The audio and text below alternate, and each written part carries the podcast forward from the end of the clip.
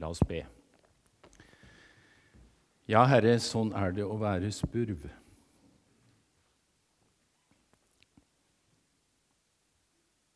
Noen ganger kjennes det godt. Det kjennes som en fri flukt, og det er en viss glans i fjærdrakten, og vi kjenner at det er godt å være oss og gå for fly med dine øyne hvilende på oss. Og så er det andre ganger vi syns at vi er litt pjuskete i fjærdrakta, og vi vet ikke helt. Og sånn er det å være spurv, og sånn er det å være menneske. Og nå kommer vi til deg, Jesus, med den veldige forvissningen om at du ser oss. Og så tror jeg vi vet noe alle sammen i dette rommet, hvordan vi noen ganger kjenner oss veldig sett av deg direkte. Og så er det noen ganger det ikke er noen erstatning for å kjenne oss sett av en venn, en venninne, et medmenneske. Og vi ber Jesus at denne formiddagen kan være en oppmuntring i denne vandringen sammen med deg og sammen med hverandre. I Jesu navn. Amen. Ja, da må jeg først få si at det, er, det har vært, og det er stas å få være her. Vi hadde altså samlivsseminar eh, fredag og lørdag. 32 par. Eh, I, om ikke alle aldre, så i hvert fall mange forskjellige aldre. Det var i seg sjøl en verdifull ting at mennesker i ulike aldersgrupper kunne være sammen. Det er noen flotte par. Mange av de er i det vi ofte kaller for livsfaseklemma. Eh, rundt 30-40 år der det meste skal skje, og det meste skal skje på én gang. Det er det å være enkeltmenneske, det er det å være familie, det er det å være forsamlingsmenneske, det er det å være menneske ute i arbeidslivet. Eh, alt sammen hauger seg sammen, og trøkket blir stort. Derfor syns jeg det er imponerende at 32 par satte av en helg til det. Koselig å se en deg, Kjersti. For noen år siden så besøkte jeg et ektepar litt lenger sørover herfra, men ikke langt. Eh, så satt jeg og prata med dem og spiste middag sammen med dem. En, eh, et ektepar med to gutter. Da var vel de sånn eh, pluss-minus ti år. Og vi satt og prata rundt middagsbordet, og så spurte jeg Åssen går det med dere egentlig? Og så så han på meg, og så ble han litt blank i øya. Og så ble jeg usikker, og så sa jeg sa jeg noe gærent. sa jeg. Såra jeg deg? Nei, du såra meg ikke sånn, men du skjønner det sånn at når jeg tenker etter, så er egentlig Kari og du, og det er kona mi, det eneste som relativt regelmessig kommer hit til oss og spør oss hvordan vi har det. I forsamlingshuset der vi går, får vi rett som det er spørsmål og oppmuntringer til det vi gjør i forsamlingen. Og vi holdes gjerne varme på det, men vi kjenner oss ofte innmari ensomme i vårt ønske om å ta hele livet vårt på alvor. Ehm, ja vel, vi fortsatte å prate, vi. Åssen det var å ha to guttunger rundt ti år. Hvordan det var å være i to krevende jobber. Hvordan det var å være i en forsamling med mye godt driv, men der samtidig trøkket lå veldig på hva som skulle foregå innenfor veggene, og et ikke tilsvarende oppløftende trøkk på den hverdagen de levde utenfor, ikke minst på det der byggfeltet de bodde, der de hadde et oppriktig ønske om å bety noe for folk rundt seg, og som tidvis var i direkte eh, konflikt med engasjementet innomhus. Ja, så prata vi om det. Og Så fant vi fram biblene våre, og så leste vi en stubb sammen. Og så samtalte vi ut ifra hva sier dette avsnittet oss inn i vår hverdag, og så ba vi sammen. Og så avtalte vi, og så sa vi dette gjør vi igjen om tre måneder. Og dette har vi gjort i 15 år med dette paret. Det står ingen avisartikler om det, holdt på å si heldigvis. Men det handler om, det er én dimensjon av det denne formiddagen handler om. Hvordan det er fort gjort å bli aktive og travle og gjøre en stor innsats både i forsamling og i nærmiljø og i jobbsammenheng osv. Men det er minst like fort gjort å kjenne at en blir stående aleine. Det er fort gjort å kjenne at mye av det belønningssystemet som vi har bygd opp i eh, forsamlingslivet vårt, det handler veldig mye om hva vi gjør. Og det har en egen verdi. Selvsagt har det det. Men hvis vi sviser over åra i vårt eget liv, i våre egne relasjoner, og det vi står midt oppi, hva sitter vi igjen med da? For noen år siden så skrev jeg en bok som heter 'Der du er'. Jeg ble oppmuntra av Elisabeth i går og sa da de brukte den boka i ei gruppe, så var det et håpmuntring. Um, det er eh, et, Boka er for så vidt et personlig vitnesbyrd om hvordan det går an å komme til tro etter å ha blitt påkjørt i fylla.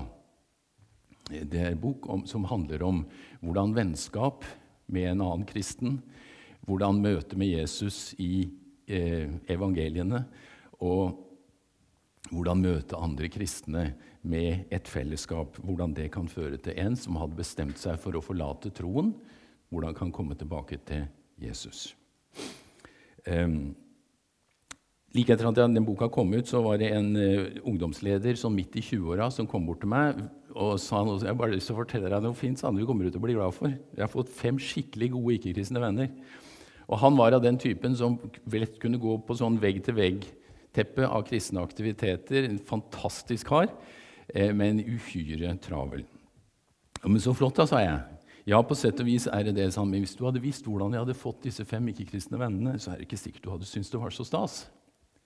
For alle disse fem var i tenåra veldig engasjerte ungdomsledere. Og uten å gå nærmere inn på det, så var det i en sammenheng som delvis er deres egen, og som delvis er en som står dere meget nær, for å si det mildt. Ja, men, så, men sa han, etter hvert som disse kom ut i runda 20, kom ut i arbeidsliv, mange gifta seg osv., så, videre, så blei de borte én etter én. Og de blei ikke bare såkalt passive kristne, men det er i hvert fall tre av de sånn, som er veldig bevisste på at de ikke er kristne lenger. Litt sånn samme historie som jeg opplevde. Etter å ha vokst opp i et godt misjonssambandshjem i Spydberg og Askim. Hva som skjedde med dem, da, sa jeg. Jo, han sa, Når jeg ser tilbake, så tror jeg det var tre ting som skjedde. Det første var at um, vi sto på i ungdomsarbeidet, og vi ga jernet, og vi gjorde det beste vi kunne. Og vi fikk mye, vi fikk mye positiv tilbakemelding på det. Um, men identiteten vår så han ble nok liggende veldig mye i det vi gjorde, og mindre i de, vi, i de vi var. Derfor ble nok Jesus i større grad en arbeidsgiver enn en nær venn. Og, sa han, det viktigste var vi ble stående for mye aleine. Igjen, vi fikk oppmuntring for det vi gjorde i denne forsamlingen. Men vi, det hopa seg opp med spørsmål, helt naturlige spørsmål som melder seg når en, går, når en vokser disse åra fra tenåringsfasen over i det som kommer rett etterpå, med alle omstillingene som følger, så blei vi stående for mye aleine, sa han. Og det var presserende spørsmål som vi ikke hadde noen å prate med. Vi mangla voksne folk rundt oss som var tilgjengelige. Ikke sjelesørgere, ikke det som handler om de store, tunge taka, men rett og slett en voksen storebror eller ei voksen storesøster som kunne være tilgjengelig for oss. Og Hadde denne historia med fem eh, tidligere ungdomsledere vært den eneste gangen jeg har hørt den, så hadde jeg sannsynligvis lagt den i kørja med interessante historier. Men fordi jeg møter den ganske regelmessig og ganske overalt, så opptar dette meg. Derfor så skrev vi boka langs samme vei for noen år siden. En ikke ukjent Tor Erling Fagermoen, som var landsungdomssekretær for dere lenge, sier bak på denne boka mange unge bærer på et savn. De er åndelig foreldreløse og spør hvor er generasjonen over oss når de virkelig trengs? Navigatøren har sett dette og ønsker å gjøre noe med det eh, i og med langs samme vei. Forfatterne er troverdige, og de praktiserer det de skriver om. Denne boka har jeg venta på. Jeg ser det så tydelig i mitt arbeid. En ny generasjon ungdommer og ungdomsledere trenger mer enn mye annet modne kristne som ser dem, lytter til dem og er til stede for dem. Og så sier han noe mer. For 2000 år siden gikk det to forvirrede disipler langs en vei. Og vi kjenner beretningen i Lukas 24 veldig godt. Det er beretningen om Emmausvandrerne. Jesus har stått opp igjen. Det er en gledens dag. Men for dem var det minst like mye en forvirrende dag. Mens de nå snakket sammen og drøftet dette, kom Jesus selv og slo følge med dem. Men øynene deres ble hindret i å se, så de ikke kjente ham igjen. To disipler. Det var ikke noen to hvem som helst, men dette var to av Jesu disipler. Eh, de kjente ikke igjen Jesus. Og så kan vi si ja, det hadde veldig mye med det, alt det som hadde skjedd med han, den nye skikkelsen han var i, osv. Så, videre. så rent sånn menneskelig sett så kan vi forstå det. Men jeg møter ganske mange som gjennom faser av livet ikke kjenner igjen Jesus. Ikke minst når en går fra en i positiv forstand enkel, barnlig barnetro skal finne ut av hva betyr dette her i et i et stormende ungdomsmiljø. Hva betyr Jesus-troen min når jeg kommer over i arbeidslivet, i småbarnsfasen? Det er som jeg husker Kari sa til meg en gang. Jeg hadde ikke kona mi, Vi hadde tre gutter, og to av dem var 14 måneder mellom dem. Så hadde jeg jo ikke ro på do engang. Sette den ene ungen i badekaret. ikke sant? Kan gjort noe. Ja. Når livet er så tett, så er det ganske mange som opplever at en liksom kjenner ikke igjen den Jesus som en var så trygg på, og som var så klar og nær i en tidligere fase av livet. Det er sånn når vi er ærlige med livene våre. Så kommer altså Jesus opp, og så eh, slo han følge med dem. Eh, han sa til dem, 'Hva er det dere går og snakker så ivrig om?' De stanset og så bedrøvet opp, og den ene som heter Kleopas, svarte, 'Du må være den eneste tilreisende i Jerusalem som ikke vet hva som har hendt disse dager.' Altså, det Jesus gjør Han kommer opp, altså på siden av to forvirrede disipler som ikke helt skjønner dette. For Litt lenger ute i kapittelet så ser vi at ryktene har begynt å gå i byen om at Jesus har stått opp igjen, og han sier det er noen kvinner iblant oss som har forvirret oss, for dette skjønner vi ikke. Så det er altså første Jesus eh, kommer opp på siden av dem og gjør, det er å stille et spørsmål. Hva er det dere går og snakker så ivrig om? Jeg hadde tenkt Det måtte ha vært mye enklere at Jesus bare kunne holdt på å si, slått ut med armene og sagt jeg hører at dere er en smule forvirra, men her er jeg. Det er ingen flere spørsmål. Jeg er her. Jeg lever iblant dere. Men Jesus kjente en pedagogisk grunnregel, og det er at den viktigste stemmen vi hører, det er vår egen. De gangene vi kan få sette ord på noe av det som foregår inni oss, av gleder, av utfordringer, av uløste spørsmål, og det er noen som er oppriktig interessert i å høre på oss, så er nesten halve løsningen allerede funnet. Hva er det dere går og snakker så ivrig om? Så begynner de å fortelle. Og så kunne vi tenkt, Nå er det i hvert fall et spørsmål, så nå er det klar med det krystallklare svaret, for dette kunne jo blitt historiens korteste samtale. For han var jo svaret. Men forsyne meg, vers 19. Han stiller et spørsmål til. Ja, hva da? spurte han.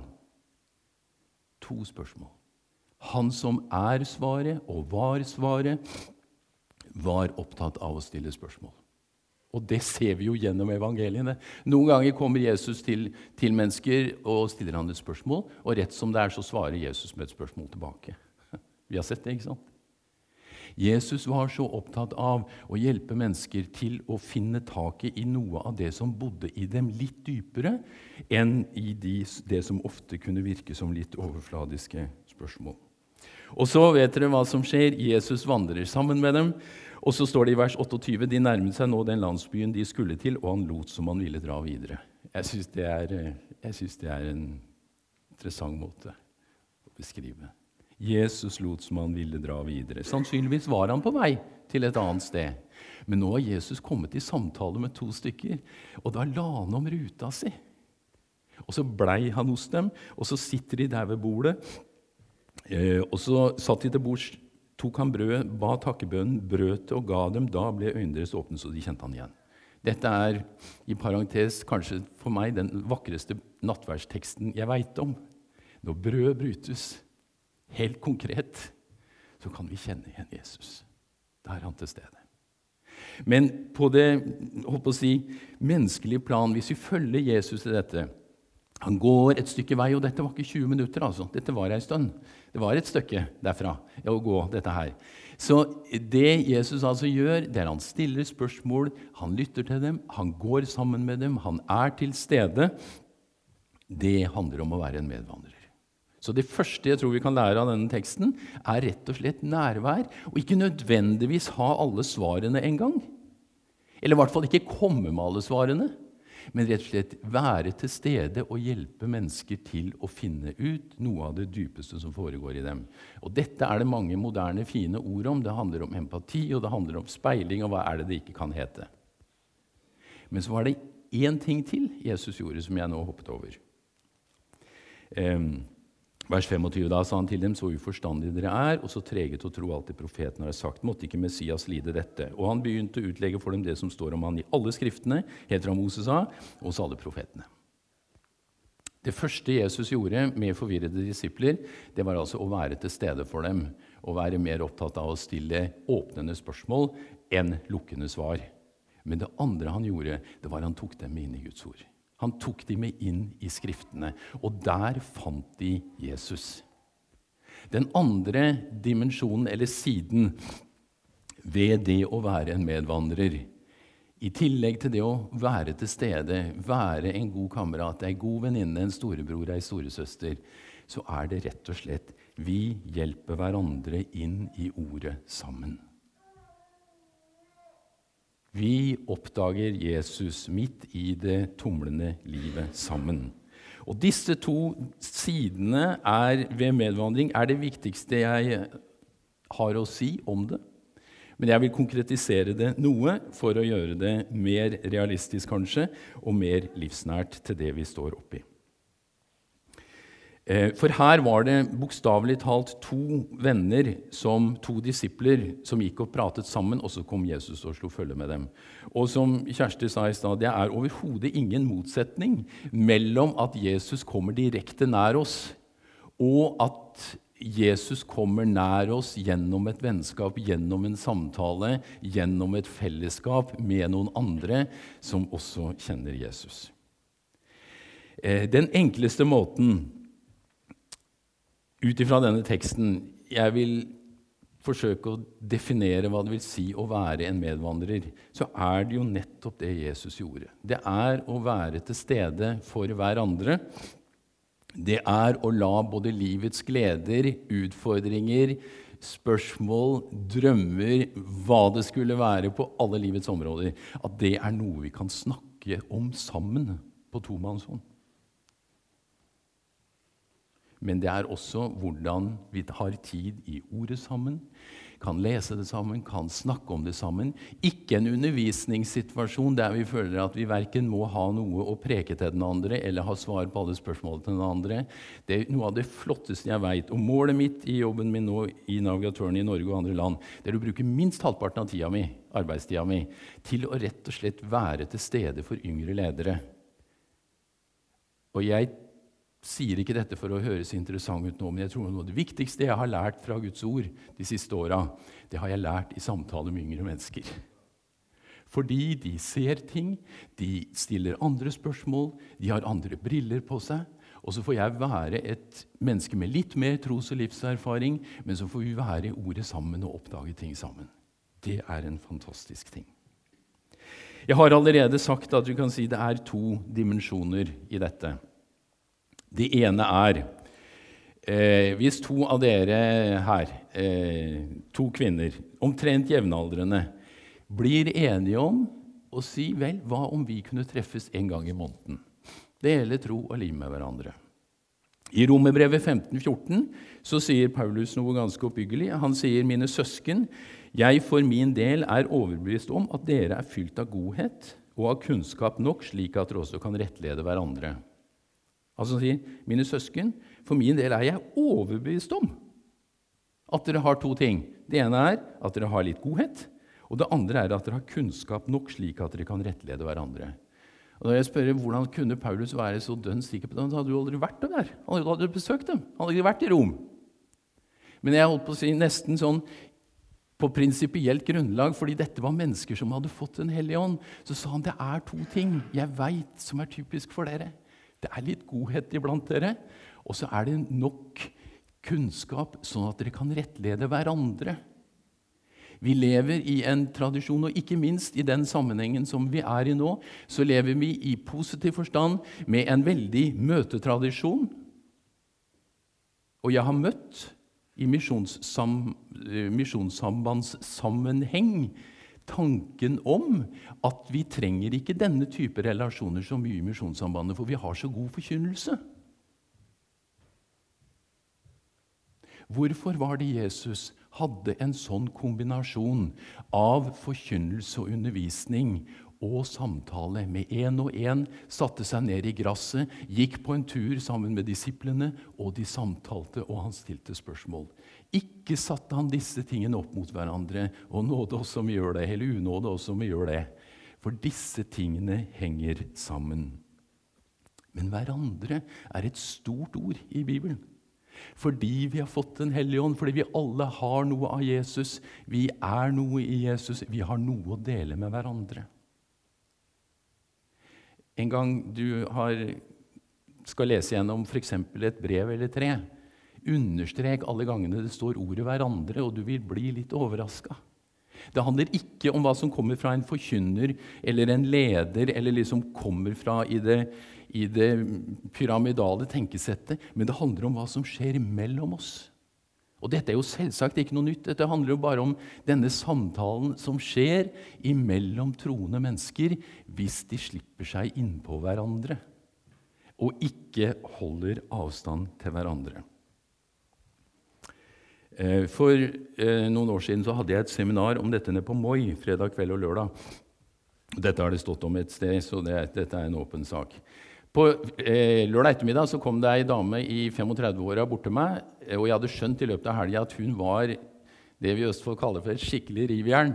Hun sto på og gjorde mye, både i jobb og i forsamlingsliv og det ene med det andre. Hun var hyperaktiv i positiv forstand. Og så sa hun til meg på, da, på lørdag ettermiddag jeg skulle ønske jeg hadde ei sånn venninne som jeg kunne liksom snakke med sånt om. Jeg har mange bekjente her på Moi, men det er litt sånn, jeg mangler ei som jeg liksom kan være og gå litt på dybden med. Og tenk på noen, da, sa jeg. Ja, sa jeg, tenk på ei. Hun var på dette seminaret, men det er ikke noe vits å spørre hvorfor hun er så innmari travel. Ja vel, sa jeg, men jeg, tenk på det, sa jeg. Be over det. Og så ringer jeg deg på tirsdag. Og så spør jeg deg åssen det har gått. For jeg noen ganger er i den fasen av livet nå hvor jeg i og for seg ikke blir mett av å høre at det vi deler, kan være til velsignelse. Men Jesus sa i Johannes 13.: Salige er dere som vet dette, så sant dere gjør det. Vi veit mye, folkens, men salighet, sier Jesus, ligger ikke i å vite, men det er at vi ved Åndens hjelp gjør det vi veit. Det sa han etter å ha vaska disiplenes føtter. Så jeg ringte henne på tirsdag. Og så sa hun sånn har det gått, sa jeg. Du ønska jo ei, ei god venninne som du kunne dele tro og liv med. Jo, sa hun, så begynte hun å le. Så På, på søndagen så, gikk jeg bort til denne venninna mi, som også var på seminar. Og så sa jeg, at, så sa jeg som var sa, jeg ønska ei sånn venninne.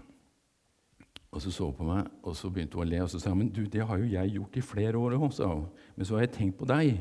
Men du er jo så innmari travel. Altså, det er ikke noe vits å spørre deg. Jeg tror dette er sju eller åtte år siden, og siden da så har disse to venninnene treftes. De får ikke til regelmessig, til det foregår for mye, men de to har blitt hverandres søstre i troen. To disipler som går langs veien, og som har disse treffpunktene der de er tilgjengelige for hverandre, og der de opplever at Jesus møter dem midt i livet.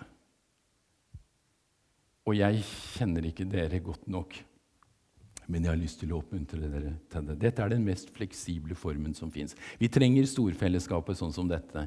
Og det er kjempebra med bibelgrupper eller husfellesskap eller cellegrupper eller hva vi velger å kalle det. Det er kjempebra. Men den næreste, tetteste formen vi kan ha, det er to stykker. Og det er også den mest fleksible formen. Det er lettest å få det til midt i travelheten. Så er det det andre, og det er det jeg skal si noe om til slutt. Og det er det vel egentlig kanskje som også ligger mye i det dere ønsket nå det er når den noe mer erfarne kan være tilgjengelig for de som er yngre. Det handler altså om at så mange av dere som sitter her, sitter med så mye livs- og troserfaring at det ville være ille om generasjonen yngre enn dere ikke skulle få del i det. Var det et omtrent klart utsagn? Det handler om forvaltning, folkens. Det handler om forvaltning. Og hvis dere, som vi sier i Østfold, drar opp stegene etter dere og tenker at de som er yngre enn dere, må få finne ut av dette sjøl, så tror jeg det gjør en skjebnesvanger bommert. Og det, jeg har aldri, og Nå har jeg vært kristen en stund, og jeg har vært opptatt av denne type arbeid hele tida, for det er noe av det som liksom er navigatørene. Relasjoner der vi kan være til oppmuntring for hverandre. Jeg har aldri opplevd sterkere enn nå et dypt ønske blant yngre til å ha noen voksne rundt seg som ikke skal bestemme over dem, som ikke skal styre og stelle, som skal holde i bukta og begge endene, som vi sier. Unge folk har ikke behov for noen som skal herske over dem og bestemme. Unge folk har energi og krefter og kreativitet så det holder, men de trenger noen de kan få være sammen med i denne vandringen. I 1. Tessalonikerbrev 2 skriver Paulus til sine relativt unge og nyfrelste venner i menigheten i Tessaloniki. Er det en stund siden du har lest 1. Tess, så la det ikke bli lenge til. Det er et vakkert brev om hvordan evangeliet slår rot i en hedens kultur. Vi leser om de apostelens gjerninger 17, hvordan det hele greia starta så utvikler det seg en menighet. Og så beskriver Paulus i, første, i kapittel 2 hva slags relasjon han hadde til dem. Og så sier han i, fra 2.7 til 11 så sier han, 'Jeg var som en mor blant dere'. Jeg ville ikke bare gi dere evangeliet, men jeg ville også gi dere livet mitt, for jeg er blitt så glad i dere. Det er fort gjort å ville gi ordet. Og det er rett forstått dette er noe av den letteste plassen å stå. Og så vet jeg samtidig det er den mest utfordrende plassen jeg står. Men det er ikke så vanskelig å holde fram idealene i Guds ord. Og det er ikke så vanskelig å gå på barrikadene for de store og viktige sannhetene. Men å sitte der sammen med et annet menneske, et yngre menneske, som ofte syns de har fått livet midt i fleisen, og som sitter med store og dype spørsmål, og som finner ut av hvordan skal disse sannhetene leves i mitt liv, det handler om nærvær. Det handler om å dele ting med hverandre, samtale og finne en vei videre med de store bibelske sannhetene. Han sier han var som en mor. Han viste en slags morskjærlighet og et morsengasjement som handlet om å ta dem på alvor og vise dem omsorg. Men så sier han i vers 10-11.: eh, Og han var som en far iblant dem, som formante dem til å vandre verdig. Det kallet de hadde fått. Mor og far. Det lyder da vel ganske kjent? Det er den, det, det, kaller gjerne det åndelige foreldreansvaret som Bibelen snakker om. Og det er breddfullt av dette. Bibelen har så mange eksempler på dette. Og det er det Tor Erling Fagermoen henviser til når han anbefaler denne boka. Det handler om voksne mennesker som er til stede. For uh, I januar for et år siden så hadde, talte jeg på um, lørdagskvelden i uh, ungdomsarbeidet i Misjonssalen i Oslo. Det var smekka fullt. Det er alltid en oppmuntring å få tale i Misjonssalen. og se, Det var vel en tre-fire ungdom, og de aller fleste studenter eller i det alderssjiktet der, om dette temaet. Så etterpå så sa de dette må vi ha mer av. Og så hadde jeg to seminarkvelder. For, sa de, i Misjonssalen i Oslo har vi nå en målsetting om å bygge sammen den såkalte voksengenerasjonen og ungdomsgenerasjonen. Vi har en tendens til å ramle litt fra hverandre. Og, sa de, vi har et veldig ønske om å gjøre noe for å bygge disse generasjonene sammen. Og ikke minst at de voksne kan være de vi trenger, nemlig noen som er til stede i våre liv. Så ble vi enige om to, kveld, to kvelder. Brosjyra så jeg. Jeg så hva de la ut på nettet, og hvordan de inviterte hele aldersspennet til å være der for rett og slett å se hvordan kan de ulike generasjonene bety noe for hverandre. Første kvelden jeg var der, så var det 80, første av de to seminarkveldene var det et sted mellom 80 og 90, og to av de var over 30 år. Og så sa jeg enten har ikke jeg forstått hva styret i misjonssalen er opptatt av, eller så snakker dere om noe og lever noe fullstendig annet. Og jeg tror de som var leder for dette seminaret, var i nærheten av å skjønne hva jeg mente. Og jeg var ikke ute etter å ta de som var der, men de bare lengta at det kunne være noen voksne der.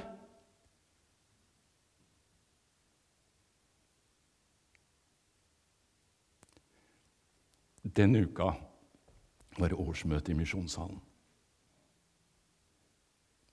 Hun som på en vakker måte hadde dratt i gang dette seminaret,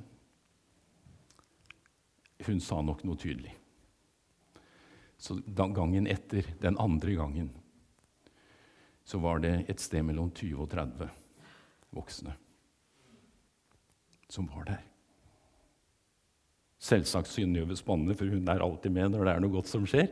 Men, eh, men, eh, men også rektor på, eh, fungerende rektor på Fjellhaug, og det ene med den andre. Vi hadde en vidunderlig kveld. Og det tror jeg det er greit at jeg sier. Fungerende rektor på Fjellhaug. For inn i den kvelden hadde vi lagt inn bibellesing sammen. Vi brukte 20-25 minutter, bare to og to, for å lese en bibeltekst sammen. Og han leste det sammen med ei ung jente, student på 19 år. Og kom bort med etterpå og sa han, dette var en av de viktigste kveldene for meg. sa han. Hva jeg lærte i Guds ord ved å sitte sammen med denne jenta på 19 år. Dette handler ikke om at noen skal komme inn som høvdinger og svarautomater. Men dette handler om at noen skal komme inn og være til stede for unge mennesker som trenger dere. Um, de jobber nå ganske bevisst i misjonssalen. Og de har fått en gjeng av disse som var der. De skrev seg på liste. Og den kvelden andre kvelden tror jeg det var 15 stykker som skrev seg på den lista de ville være tilgjengelig for de unge. Og jeg driver og følger dem nå i å jobbe med dette her. Betlehem i Bergen, IMF, nærstående DS-bevegelse der nå i tre år. Jobba sammen med Gunnar Ferstad. For det første så treffer jeg han regelmessig. Jeg er med deg ei helg i året. Jeg var der nå for to uker siden.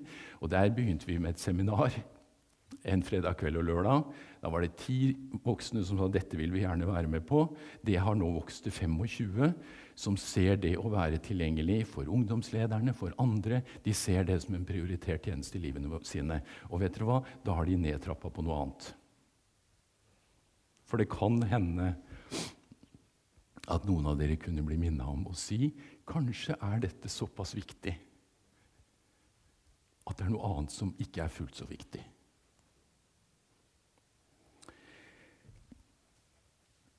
Hun som var eh, eh, Eh, hva heter det for noe, ungdomskonsulent i Oslo bispedømme, Norun. Jeg skriver om i boka. Hun sa til meg for noen år siden det skjer så mye fint ungdomsarbeid i Oslo bispedømme, men det som, det som ligger på meg, det er at det er så mange av ungdomslederne som brenner ut. Og sa hun at Men jeg har, et, jeg har en drøm, sa hun, og så har jeg et bønneemne. Og hva er det, sa jeg. Jo, det handler om de tre b-ene. Tre b-er seg, er ikke det litt i underkant? Trengs det ikke fire? Nei, sa De tre b-ene for meg sa som, som ansvarlig for ungdomsarbeidet, det er gjerne besteforeldre med en åpen bolig, en åpen brødboks og en åpen bibel.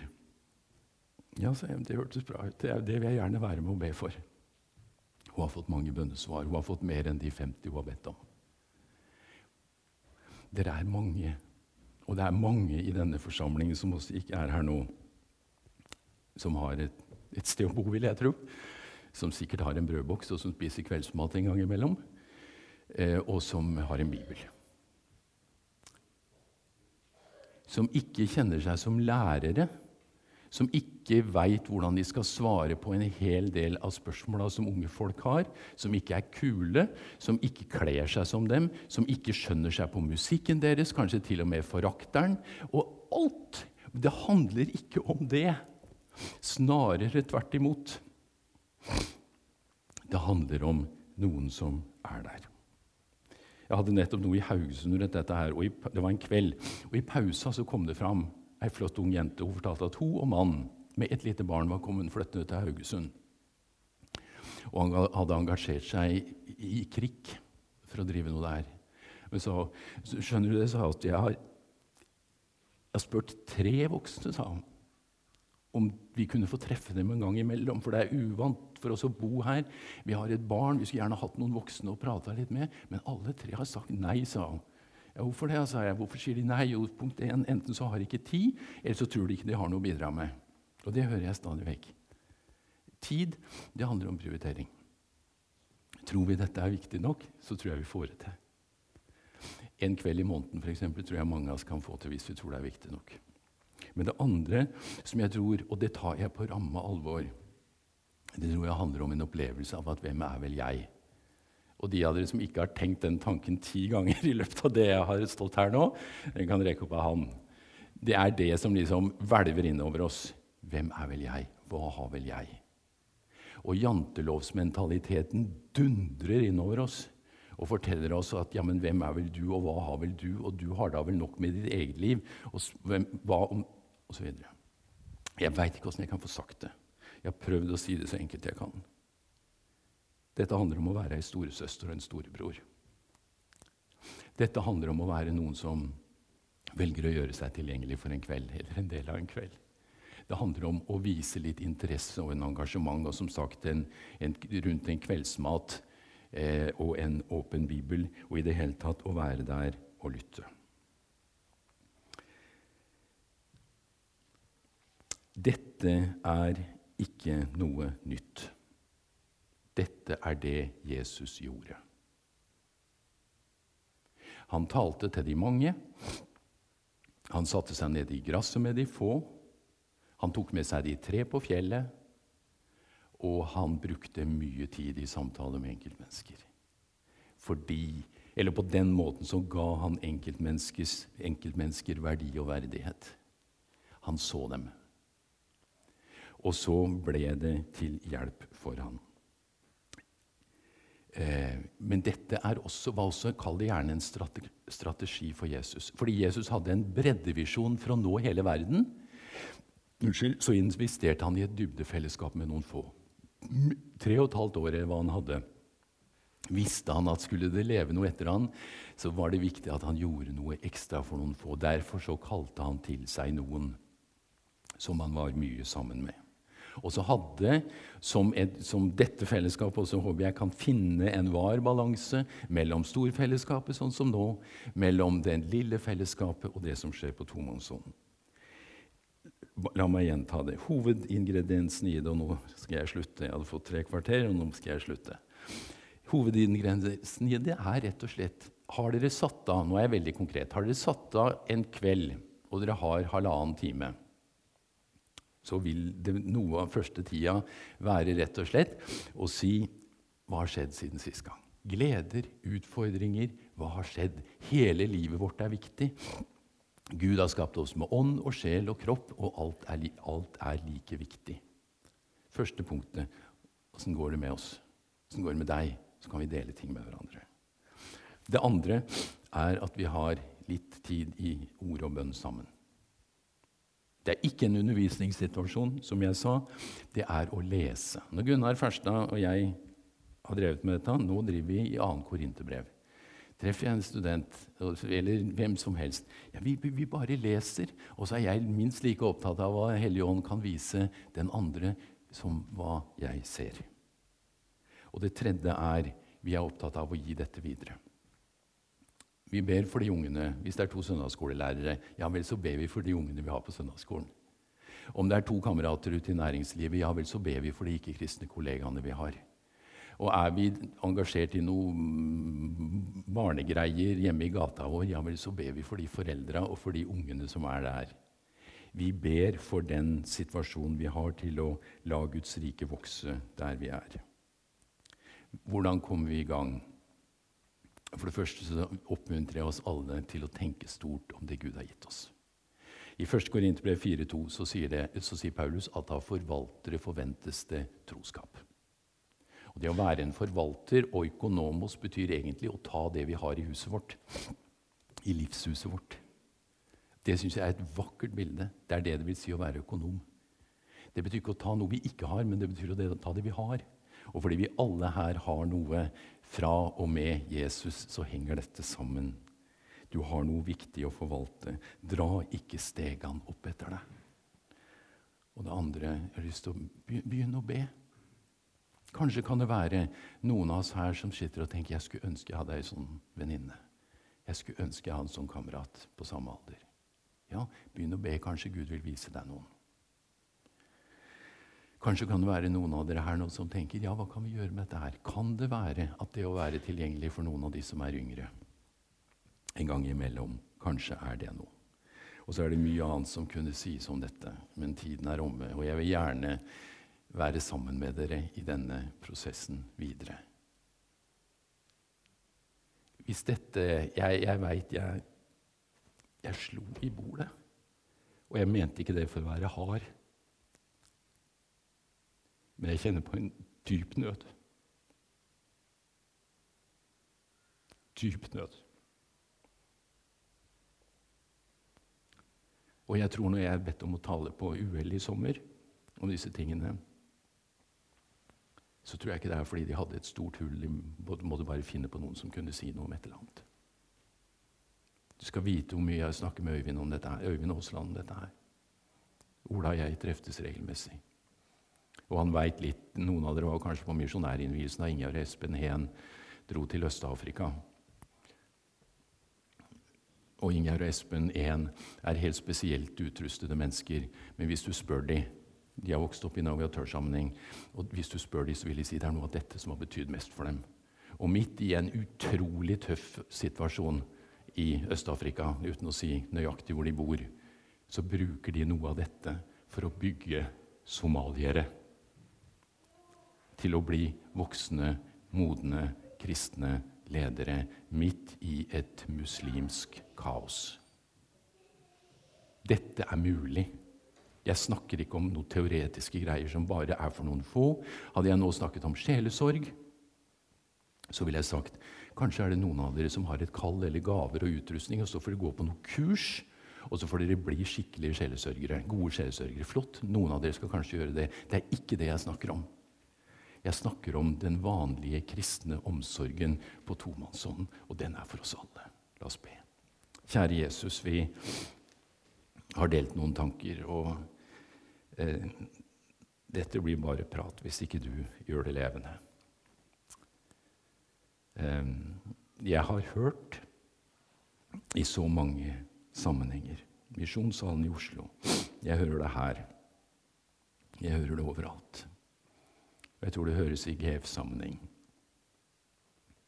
At med alle de vakre, flotte ressursene som fins i en voksen generasjon, og en ungdomsgenerasjon, yngre, som gjerne vil ha noen rundt seg som ser dem, som er engasjert, som ikke skal styre og stelle og herske, men som kan være til stede med sitt liv og med sin tro, med sitt strev og med sine gleder.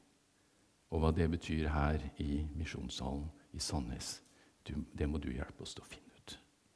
Tal til hjertene våre, Jesus, det ber deg om.